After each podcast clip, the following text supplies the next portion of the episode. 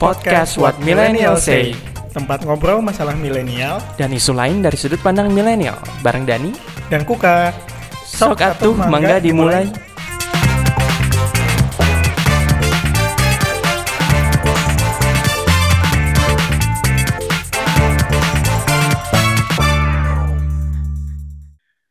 Assalamualaikum warahmatullahi wabarakatuh. Selamat pagi, siang, malam, sore. Dan apa kabar? Eh, masih masih sehat, syukurnya masih sehat. Alhamdulillah. Soalnya kayaknya makin ke sini makin gawat ya di luar ya. Kondisi di luar sih sepertinya makin gawat dan juga makin eh, makin beberapa orang makin maksudnya banyak sebagian orang yang makin kehilangan sense of crisis kali. Jadi kayak ya udah gitulah. Iya, eh, ya sih. Makanya jadi sudahlah kita mending stay di rumah aja ya, mau nggak mau ya, daripada ngerepotin eh, lebih banyak orang lagi mencari ICU dan ventilator dan lain sebagainya. Jadi sudahlah kita mencoba sebisa mungkin buat menjaga kesehatan kita sendiri ya, dan ya. Gitu. Ya, Kalau gue Hmm? boleh tanya, kita udah berapa lama sih WFH sampai bulan Januari ini? Kita tuh mulai kapan sih? Maret kan ya, berarti hampir setahun dan 10, Ya pertengahan Maret, 10 bulan? 10 bulan gitu ya. Ya, sekitar 10 bulanan. Jadi kan karena apa semenjak eh, pandemi masuk ke Indonesia kayak eh, eh, maksudnya berdampak pada segala sektor dan terutama juga ke pekerjaan kita masing-masing gitu. Hampir kayak semua pekerjaan gitu ya. Jadi maksudnya kayak cara kerjanya berubah jadi mulai nggak tatap muka secara langsung. Kita sudah WFH eh, selama hampir 10 bulan. Ada beberapa yang kemarin mungkin sempat eh, beberapa apa beberapa kali masuk ke kantor lagi. Hmm. Tapi sekarang juga mulai be- mulai hari tanggal 11 ini juga akan apa di, diberlakukan PSBB lagi kan ya? Udah Dan namanya beda ternyata. Bukan PSBB kan? ah nggak ngerti apalah terserah lah sebut aja lockdown Oh. gitu supaya lebih apa namanya lebih enforcing lebih lebih mempan gitu. Kenapa sih takut banget nyebut lockdown? Aduh. Jadi eh, pada episode kali ini kita akan ngobrol-ngobrol soal apa eh, kerjaan di masa pandemi. Eh, dan juga karena kita tahu apa kita sendiri merasakan langsung dampaknya pandemi pada pekerjaan kita gitu ya. Selain cara kit- kerja kita yang berubah apalagi kok pen- eh, dampaknya yang mungkin yang paling kentara itu yang dirasakan?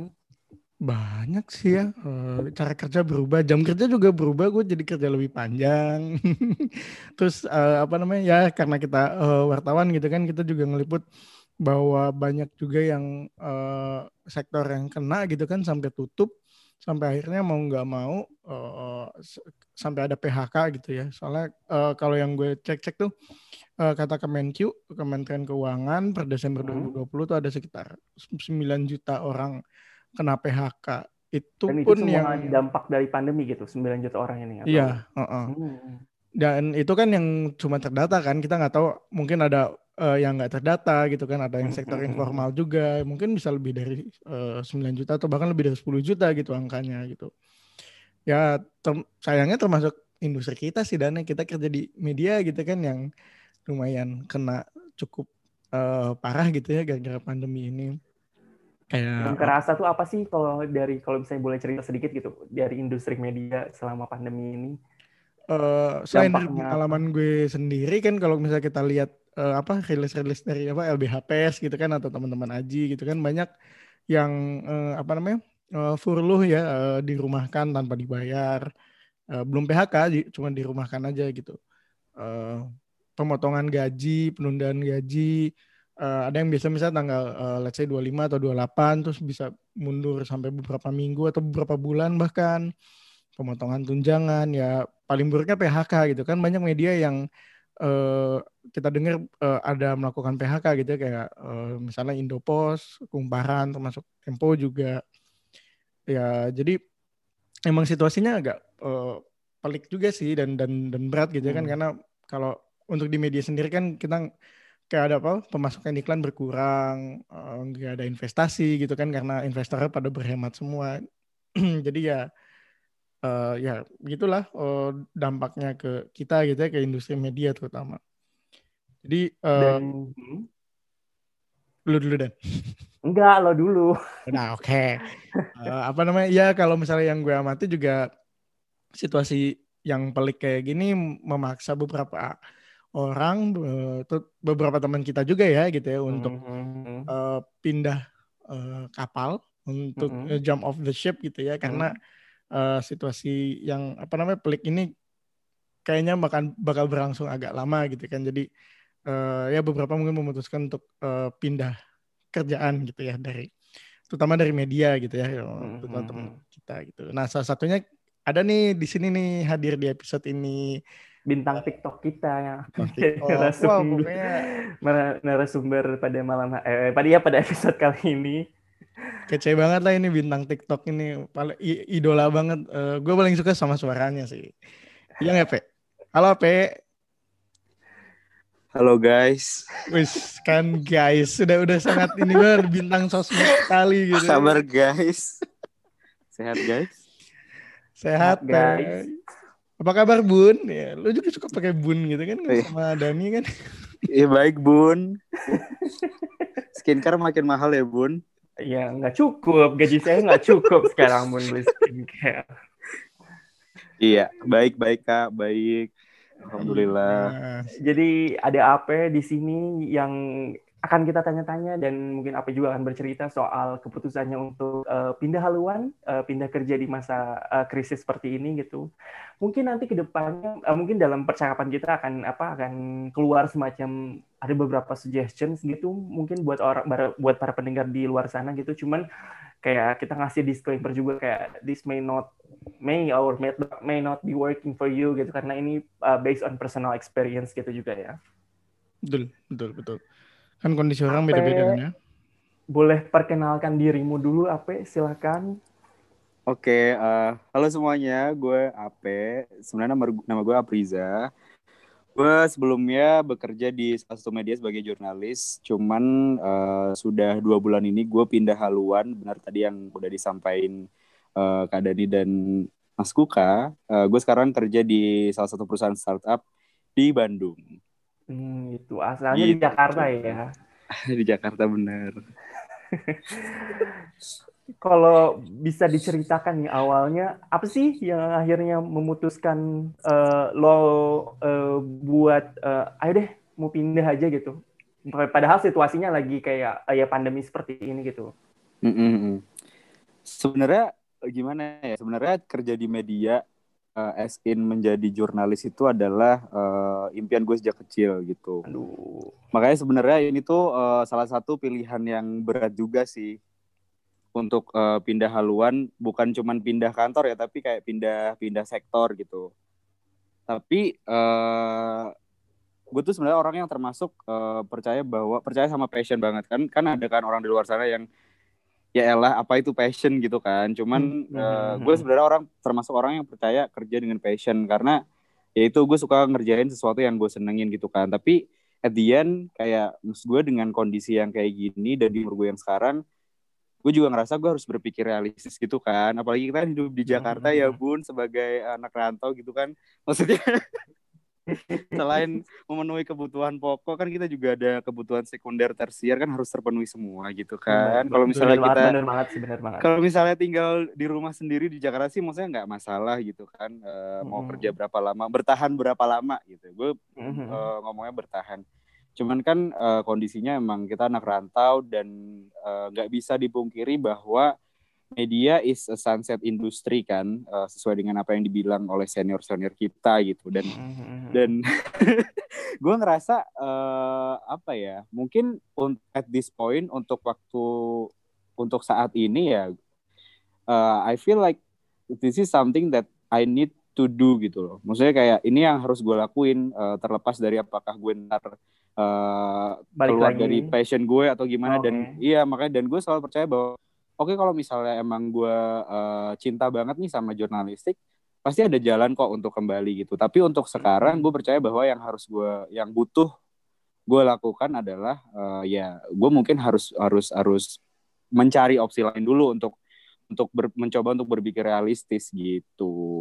Tapi untuk background story-nya kenapa sebenarnya ya gimana ya? Maksudnya mungkin uh, teman-teman juga pada tahu ya kalau misalnya di media itu seperti yang tadi udah udah kalian uh, ceritakan di awal kayak maksudnya uh, media tuh sangat sangat apa ya maksudnya uh, terdampak banget lah dengan dengan pandemi ini in terms of employment-nya gitu kan dan kebetulan uh, tempat gue kerja juga mengalami hal itu gitu itu sih hmm. sebenarnya alasannya gitu background story-nya bun oh, oke okay.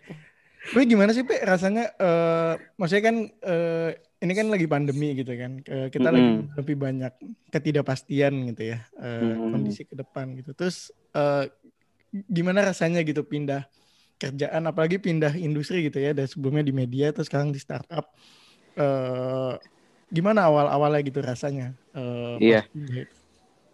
Seben jujur ya, ini tuh sebenarnya kayak uh, nekat aja sih, maksudnya uh, dan ini juga salah satu yang ditanyain sama uh, atasan gue di kantor yang sebelumnya gitu. Lo hmm. yakin mau pindah gitu kan? Maksudnya kan uh, lo nggak mau bertahan lebih lama lagi nih menunggu kepastian. Cuman uh, gue mikirnya uh, ya gimana kalau misalnya gue nggak take the first step untuk diri gue sendiri nggak berani untuk memutuskan untuk diri gue sendiri ya yo gue selamanya bakal diliputi rasa apa ya rasa penasaran terus juga maksudnya rasa ketidakbosan ah harusnya gue uh, pindah dari kemarin-kemarin nih kalau misalnya apa gue pindah dari kemarin-kemarin gue nggak akan kayak gini sekarang kayak gitu loh jadi gue nggak mau diliputi dengan rasa-rasa seperti itu makanya uh, gue memutuskan uh, diri memutuskan untuk cepat bertindak istilahnya demi for the sake of my apa ya istilahnya uh, ketenangan batin gitulah dalam hal hmm. uh, apa karir gitu. Cuman ya ya apa ya uh, emang itu nggak bisa nggak bisa berlaku untuk semua orang sih. Kadang ada orang yang emang benar-benar hati-hati banget dengan segala uh, keputusan yang diambil di hidupnya kan. Jadi ya ya untuk gue pribadi gue dulu bahkan sampai mikir bahwa oke okay, kalau misalnya gue udah keluar dari kantor gue yang sekarang even though misalnya gue nggak dapat kerjaan ya gue bisa aja balik balik ke kampung gitu maksudnya istirahat dulu kayak atau apa tapi at least gue harus keluar dulu dari dari kantor yang sekarang itu kayak langkah pertama gue harus keluar dulu masalah nanti dapat kerjaan lagi atau enggak ya itu nanti dipikirin nanti deh kayak gitu gue mikirnya waktu itu cuman ya balik lagi ini nggak bisa berlaku semua orang banyak yang emang maksudnya setiap orang kan punya kebutuhan masing-masing kan dan yeah. kondisi dan backgroundnya kan beda-beda gitu jadi hmm. kalau dari perspektif gue pribadi ya itu maksudnya gue lebih mentingin apa ya gue lebih mikirin ke ketenangan batin gue sih daripada gue lama-lama di kantor yang sekarang tapi kayak distraktif untuk diri gue sendiri ya udah deh mending gue keluar dulu. Masalah nanti kerjaan baru datang cepat atau lama itu nanti dipikir nanti gitu. Jadi yang for the sake of ketenangan batin ya bun. Iya, kayak penting ya, banget ya bun ya itu kayak ah. penting banget bun, apalagi kayak di di masa kayak gini kan kayak setiap saat lo setiap saat itu menurut gue kayak lo harus dapat closure gitu loh maksudnya untuk dari segi karir, percintaan atau apa kayak Aduh, gitu. Jadi, bun. dia nggak melenceng ya, cuman ya emang begitu sih. Ya, gitu, jangan gitu. jangan melenceng ke arah percintaan nanti Dani bisa curhat panjang lebar nih di di episode ini nih soal Tapi akhirnya uh, apa namanya hmm. mendapatkan apa namanya uh, sense of closure itu enggak dari dari uh, langkah setelah pindah itu ambil dalam kon dalam konteks dalam konteks pindahnya itu gue jujur gue dapat closure-nya. Karena uh, alhamdulillahnya gue dapat uh, kerjaan itu di saat gue belum resign kan. Pas gue lagi galau-galaunya resign uh, alhamdulillahnya ada kerjaan yang menghampiri. Makanya gue lebih misalnya lebih mantep lah untuk untuk memutuskan untuk resign gitu. Mm. Cuman kalau misalnya ya balik lagi kalau misalnya pun gue pas pas gue udah resign dan gue belum dapat kerjaan itu juga sebenarnya buat gue pribadi itu nggak masalah buat gue. Tapi at least kalau misalnya ditanya lo udah dapat closure belum dengan lo pindah eh, keluar dari kantor sekarang? Udah tapi apakah lo dapat closure dengan kerjaan baru ini? Gue belum bisa jawab karena jujur gue baru baru baru dua bulan juga kan di di tempat yang baru gitu.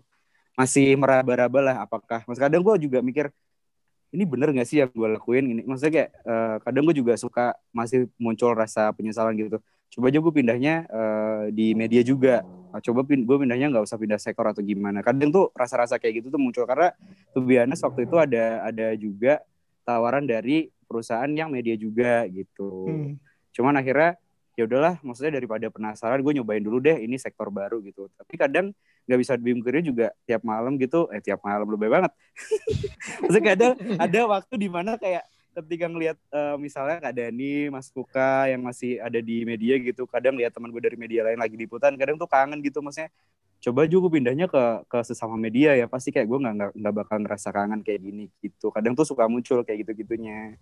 Cuma ya tetap aja ini kan maksudnya udah diambil ya dan keputusan udah diambil dan uh, nyesel pasti ada. Uh, maksudnya bukan nyesel sih lebih ke kayak gimana ya ngomongnya? Maksudnya pertanyaan itu iya pertanyaan pertanyaan itu gitu. pasti ada kayak rasa kangen pasti ada. Cuman ya ya life must go on gitu. Kayak mungkin ya, di fase harus sekarang, realistis dulu lah bun pokoknya bener bener bener. kayak maksudnya di fase ini adalah fase di mana gue harus uh, uh, nyobain berkompromi mungkin. Iya berkompromi dan nyobain dunia lain dulu sebelum nanti gue memutuskan apakah gue akan kembali menjadi jurnalis atau enggak gitu. Hmm.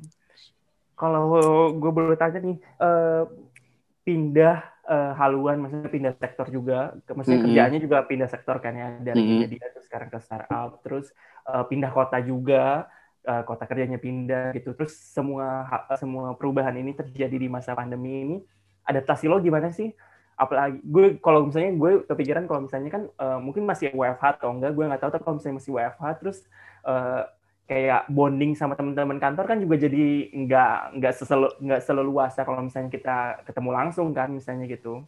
Gimana sih kalau boleh diceritain pak? Betul betul. Believe it or not sampai sekarang gue belum pernah ketemu sama teman kantor baru gue. Waduh. karena dari awal dari awal kerja tuh kita udah WFH kan jadi kayak komunikasinya tuh uh, apa namanya cuman dari virtual aja. Dan itu juga jadi salah satu uh, kendala juga sih. Maksudnya bondingnya kurang. Terus kayak mau lineman juga masih agak malu-malu kayak mau mau uh, mengkritisi kerjaan mereka yang mungkin agak meleset dikit dari ekspektasi divisi gue misalnya kadang juga masih malu-malu gitu sih. Tapi adaptasinya so far uh, apa ya uh, lebih ke menikmati uh, kehidupan baru di kota baru aja sih. Kayak gue lebih mikirnya ke, ke kayak gitu ya. Oke ya, mungkin bun, iya. Oke mungkin maksudnya kayak di kantor gue belum dapat uh, belum dapat sense of apa ya istilahnya kayak um, sense. Sense, iya sense of belongingnya. Cuman gue udah apa ya istilahnya kayak gua, ada ada hal lain yang bisa gue lakuin nih di di tempat baru misalnya gue bisa explore gue sekarang di Bandung kan gue bisa eksplor Bandung gue bisa nyobain makanan Bandung makanan Bandung sampai sembari nunggu nanti saat untuk uh, bisa bonding lebih cepat dengan rekan kerja gue di kantor yang baru gitu. Bukannya lu udah pas, pernah mm, kerja dari kantor? Itu nggak ketemu sama teman-teman kantor? Enggak, karena kan sebenarnya di kantor gue tuh kebijakannya kan WFH kan. Jadi hmm. kalau yang ke kantor itu ya based on needs aja kayak case by case aja gitu Kak. Jadi kalau misalnya bos gue lagi pengen oke okay, kita alignmentnya face to face yuk. Ya udah gue ke kantor. Tapi kalau misalnya other than that misalnya nggak ada kebutuhan ke kantor ya dari kantor polisinya mending kalian WF aja deh kayak gitu. Hmm, jadi case by case aja ke kantornya sebenarnya. Makanya kadang kayak sering banget gue ke kantor terus gue doang yang masuk kayak gitu sama bos gue kayak gitu gitu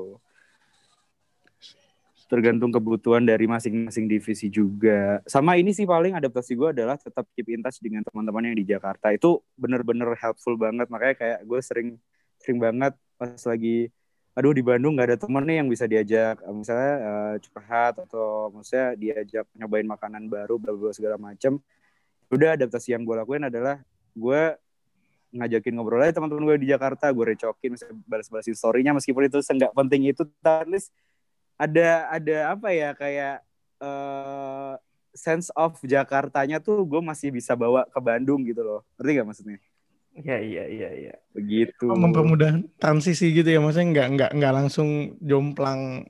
Iya nggak langsung ya. yang kayak melepaskan kehidupan Jakarta itu nggak sih.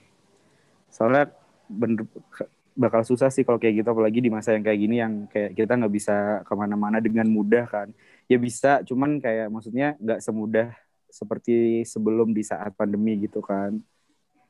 Nyalain dating apps dong bun. Gimana itu uh, uh, uh, uh, bongkar gak ya?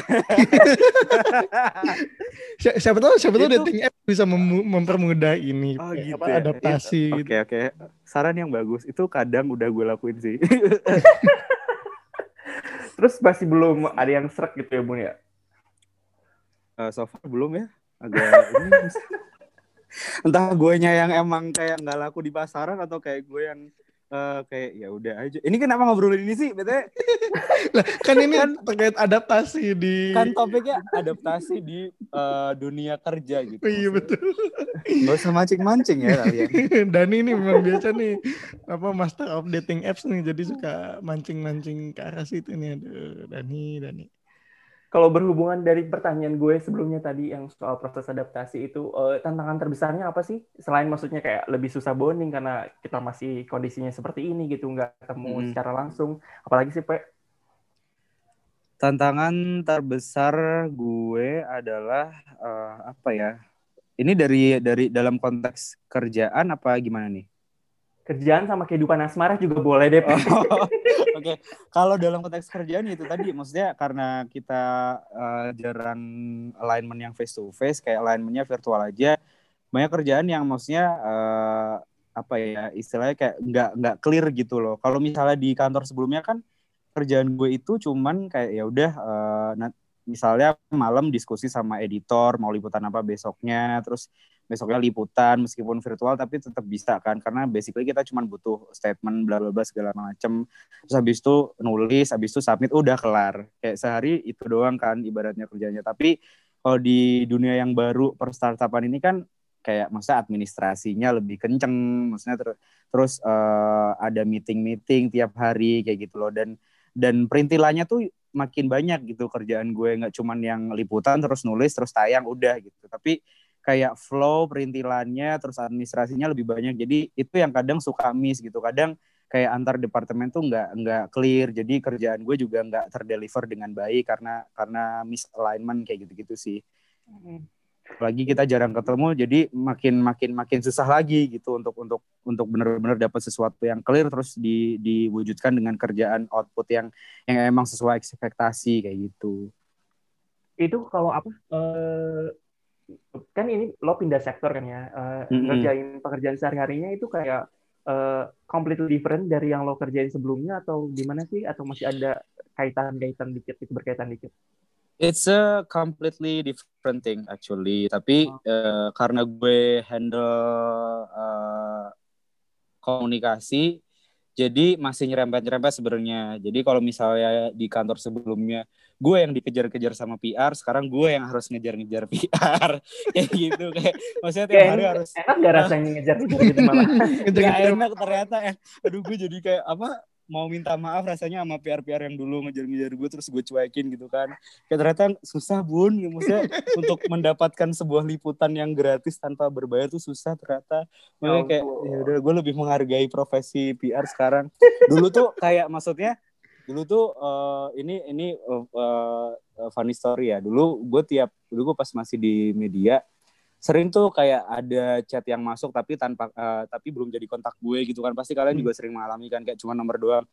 Udah gue doang tuh kayak gitu sampai berbulan-bulan apa segala nggak pernah gue respon. Sekarang gue yang digituin doang maksudnya mereka mereka karma. Gak, karma bun. Maksudnya kayak mereka nggak nyimpen kontak gue terus ketika gue ngeblast atau ngebroadcast press release misalnya yang udah gue bikin capek-capek gak ada yang direspon. Karena kalau di broadcast web WhatsApp kan kalau nggak di add sebagai kontak kan nggak bisa masuk kan. Hmm. jadi ya gitu sih paling kayak oh my god ternyata gini ya jadi jadi. Maksudnya gue lebih bisa menghargai apa ya kayak menghargai sesuatu yang yang yang selama ini juga gue suka undermine gitu menurut gue nggak penting tapi kayak one once you put yourself in that shoes lo pasti bakal ngerti gitu. Kalau selama kalau sebelumnya kan karena gue nggak nggak pernah meletakkan diri gue di sepatu seorang uh, pekerja kantoran jadi gue ya udahlah kayak cuek-cuek aja entah mereka mau kesel kayak mau apa ya itu bukan urusan gue tapi ternyata pas gue sekarang udah uh, istilahnya berada di sepatu itu gue jadi ngerti tuh rasanya bahwa kayak ya setiap pekerjaan tuh pasti ya maksudnya uh, bukan karena kita jurnalis yang ketemu orang-orang penting tiap hari terus kayak kita bisa bisa kayak undermine pekerjaan itu enggak tapi kayak semua pekerjaan tuh ada ada maksudnya semua pekerjaan tuh penting gitu tergantung dari konteks yang mereka jalani gitu sih sekarang gue bisa jadi lebih apa ya apresiatif terhadap terhadap orang-orang lain gitu bukannya gue nggak apresiatif ya sebelumnya kayak gue cuman kurang aja ya Allah, apa kok jadi makin bijak sih ya Allah. Senang ya, makin wise ya. Mungkin ini gara-gara udara Bandung mungkin ya. Oh gitu ya. Iya sih mendukung, mendukung, mendukung. Jadi ada hikmahnya juga ya, dengan ini ya, ada hikmahnya juga ya, dengan dengan pindah industri ya. Nah. Ya alhamdulillah sedikit banyak. Meskipun kayak uh, hikmahnya itu uh, apa ya uh, nggak in uh, apa ya nggak dalam hal khusus tapi misalnya nggak dalam hal kerjaan atau mungkin uh, apa pendapatan atau gimana tapi at least ada something lain yang yang bisa gue dapetin juga gitu. Ilmu baru terus mm -hmm. uh, orang baru juga network yang baru juga. Dan yang pasti kayak maksudnya uh, vibes yang baru juga terus uh, apa namanya ya itu tadi sih. Maksudnya uh, karena jenis kerjanya baru jadi gue bisa belajar juga hal baru gitu sih. Nah ini kan lu kan mungkin baru mungkin agak kecepatan sih nanya gini gitu tuh. Karena mm -hmm. lu baru kerja beberapa bulan gitu kan. Dua bulan dua bulan. misalnya uh, lu coba uh, bandingin gitu ya uh, antara kerjaan lu yang sekarang yang di startup ini dengan yang sebelumnya di media gitu. Uh, hmm. terutama dari apa yang lu kerjakan uh, setiap harinya gitu. Hmm. kira-kira yang mana yang yang paling uh, apa istilahnya nyaman gitu? Yang membuat lu nyaman antara yang dulu sama yang sekarang. Oke okay, kalau di kerjaan sebelumnya mungkin gue nyamannya dalam artian bahwa uh, apa ya pekerjaan yang gue lakukan tuh lebih fokus gitu. Kayak kita cuma liputan terus habis itu nulis. Kalau enggak kalau misalnya kita uh, butuh project multimedia kita kerjain video kayak gitu. Maksudnya udah udah fokus kayak satu hal aja gitu. Hmm. tapi kalau misalnya di di tempat yang sekarang itu yang gue ceritain tadi kayak lebih banyak perintilannya administrative works dan lain sebagainya kayak gitu. Jadi kalau bisa dibilang lo lebih puas mana nih di kantor yang lama apa di kantor yang baru? Uh, so far di titik ini kadang gue masih ngerasa aduh kenapa ya gue harus keluar secepat ini? Kayak gitu dari dari kantor yang lama. Kadang gue masih kangen uh, interview maksudnya interview narsum gue kayak WhatsApp WhatsApp sama narsum gue gitu. Tapi uh, at the end ya itu tadi uh, dengan ada gue masih harus berterima kasih dengan kerjaan baru gue karena inilah yang yang yang menyelamatkan gue dari dari anxiety yang sebelumnya gue alamin kayak gitu loh. Jadi 50-50 sih sebenarnya uh, uh, one on one side gue ngerasa kadang gue masih kangen sama kerjaan lama kayak dari segi simplicity-nya sih lebih tepatnya kayak ya udah kita cuman cuman cuman liputan terus habis itu nulis habis itu kelar gitu kan tapi kalau dari segi apa closure-nya uh, ya kerjaan dua juga cukup cukup cukup memberikan gue kerjaan yang kedua juga cukup memberikan gue closure gitu untuk untuk kondisi yang seperti ini gitu. Karena karena gue selalu mikir banyak kok. Maksudnya orang-orang yang yang kayak uh, karena pandemi mereka bahkan belum sempat ngerasain kerja di kantor. Padahal mereka misalnya lulus dengan grade yang tinggi kayak gimana karena pandemi. Banyak juga yang yang maksudnya mereka udah nekat untuk keluar kerjaan lama untuk mencoba merasakan hal baru gitu atau atau atau mencari kesempatan baru banyak juga yang belum berhasil sampai sekarang jadi ya apa pun itu gue selalu ngerasa kayak ya I should be grateful with with whatever I have right now gitu loh kayak maksudnya ya ini yang lo lakuin sekarang jadi ya you have to stick with it dan dan do your best with it gitu ngerti gak? Yeah. Mm-hmm. Gitu. Kalau kalau lagi galau-galau atau kangen sama pekerjaan sebelumnya, inget bun uh, ketenangan batin kuncinya. Belum tentu iya, kan yang sebelumnya bisa memberikan ketenangan batin kan. eh tapi bener loh kadang gue kalau kerjaan apa kangen kerjaan lama kadang gue selalu memikirkan kejelekan dari kantor-kantor lama. Oke, okay, gue aduh gue kangen liputan tapi gue langsung mikir kayak ah di kantor lama gue begini banget nggak jadi nggak jadi nggak jadi jadi kan itu sometimes it, it sometimes it helps loh kayak maksudnya kalau misal lo kangen sama suasana kerja yang lama pikirin aja kejelekan-kejelekan atau keburukan jadinya kayak lo merasa uh, terselamatkan gitu dengan lo pindah haluan atau pindah kerjaan gitu sih kalau gue. Oke oke. Mungkin ini jadi pertanyaan terakhir dari kita berdua dari gue sama Kuka. Uh, mm -hmm dari pengalaman lo nih uh, hmm. pindah pindah kerja ini di masa pandemi hmm. ini ada saran nggak buat teman-teman juga mungkin yang di luar sana yang sedang berada di situasi yang sama gitu yang lagi bimbang mau pindah kerja atau mereka tuh baru masuk kerjaan baru dan juga kayak masih bingung sama adaptasinya sekarang gitu mungkin okay. kalau saran gue ini based on my personal experience ya dan Hmm. maksudnya nggak nggak bisa uh, one size fits all juga gitu kalau kalau gue bisa bilang pertama pikirin dulu apa yang yang kalian mau gitu. Jangan sampai terlalu maksudnya jangan sampai karena keadaan yang susah atau gimana atau kalian yang terpojok yang sampai itu bikin kalian jadi terlalu cepat mengambil keputusan. Karena maksudnya eh, ibaratnya gimana ya mencari kerjaan baru itu kalian kan nggak pernah tahu nih. Apalagi kalau kayak gue yang pindah haluan gue nggak pernah tahu nih kerjaan di startup kayak apa. Tapi gue ngerasa kayak maksudnya eh, karena keadaan gue yang dalam tanda kutip terpojok gue harus cepat mengambil keputusan. Nah, itu tuh sebenarnya salah tuh kayak gitu. Jadi harus bener-bener dipikirkan masak-masak kayak mau kalian tuh apa kalau misalnya eh, pindah kerjaan secepat ini konsekuensinya apa apakah gue masih apakah gue juga akan mendeliver kerjaan gue dengan baik di tempat baru atau justru bakal lebih ba- bakal lebih bagus ketika gue di tempat lama eh, di sektor lama tapi pindah tempat atau gimana. Itu tuh harus harus dipertimbangkan semuanya. Nah Hmm. terus yang kedua jangan pernah mikir sendiri selalu eh, cari bantuan. Dalam artian kayak mungkin bisa konsult sama orang tua atau mungkin sama sama teman terdekat dan sebagainya. Jadi harus punya second opinion third opinion bahkan be- be- eh, opinion keberapa tuh harus punya. Jadi jangan sampai eh, kalian mikir sendiri terus kalian juga terlalu cepat mengambil keputusan dari pemikiran yang kalian bikin sendiri tanpa eh, menggali dan mendapatkan perspektif lain selain punya kalian sendiri kayak gitu sih kalau gue gitu Iya kayak apa namanya Eh, ringan sama dijinjing berat berat sama dipukul ringan sama dijinjing. Ya betul itu ya per, per- peribahasanya maksudnya supaya apa nggak menopang beban itu sendiri gitu kan. Kalau menopang beban sendiri jadi lebih iya down apa namanya ya iya. lebih lebih berat aja gitu kan maksudnya. Batinnya lebih terguncang. Betul, betul. betul apalagi kalau misalnya kayak lo mikul beban sendiri itu kan pasti kayak eh, trust me it will lead to eh, a bad decision gitu loh kalau misalnya udah udah tertekan terus ditanggung sendiri terus kayak pasti keputusannya tuh jadi ya udahlah yang penting ada aja kayak misalnya kayak gitu nggak nggak Hmm. yang benar-benar oke nggak benar-benar yang dipikirin matang-matang gitu Hmm. itu sih Setuju sih, setuju sama yang itu. Kuka mungkin setelah mendengar cerita apa mau pindah kerja sekarang langsung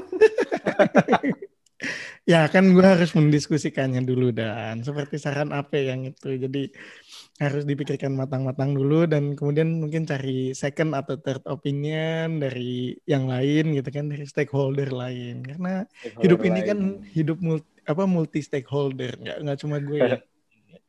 Aduh mulai manusia kan makhluk sosial ya bun ya betul sekali bun, setuju sekali makanya harus didiskusikan dulu ya. Atau lu mungkin dan terpikir buat segera cabut dan pindah haluan dan terpikir sih nggak ada yang approach gue.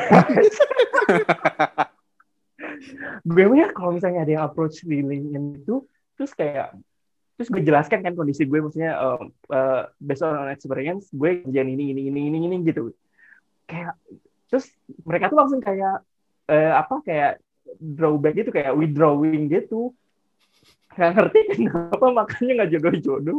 Jadi kayak pernah waktu itu satu gue deketin kayak lo lo jadi asisten eh, editor di salah satu eh, apa eh, kayak eh, media olahraga gitu gitu. Terus kan gue kebetulan ada ada basic di situ kan maksudnya pengalaman gue juga di situ terus gue cuma bilang tapi kebetulan karena media yang ditawar yang menawarkan itu adalah khususnya ke salah satu olahraga tertentu yaitu sepak bola. Sedangkan gue bilang gue nulisnya nggak banyak di sepak bola gitu gitu gitu gue gue kayak langsung jelaskan gitu. Dia langsung kayak udah nggak berlanjut lagi omongannya. Yang udah. Ya mungkin butuh Begitulah. taktik lain dan buat ini buat pindah eh, haluan kalau misalnya mau pindah haluan mungkin ya. Oke eh mungkin segitu dulu kali ya kita ngobrolnya kita akhiri dulu sekarang. Terima kasih banyak eh, Apriza atau Ape Terima kasih Ape eh, dari Bandung live dari juga Bandung. Udah menginvite gue ke obrolan ini. biasanya Semoga lu biasanya di inter- eh, menginterview sekarang lagi di interview. Gimana rasanya Bun apa apa sih gue orangnya kan suka cerita ya, jadi ya gue senang banget diundang ke What Millennials Say. Asik. Yeay. eh apa Thank juga you ya podcast semuanya. Hah? boleh itu silahkan Udah nggak aktif, udah nggak aktif. Udah nggak aktif, nggak ada ide lagi. belum, belum ada ide. Belum ada ide. Kayak gue bingung, ini mau gue apain ya podcast gue kayak ya udahlah, ntar aja. Oke oke oke.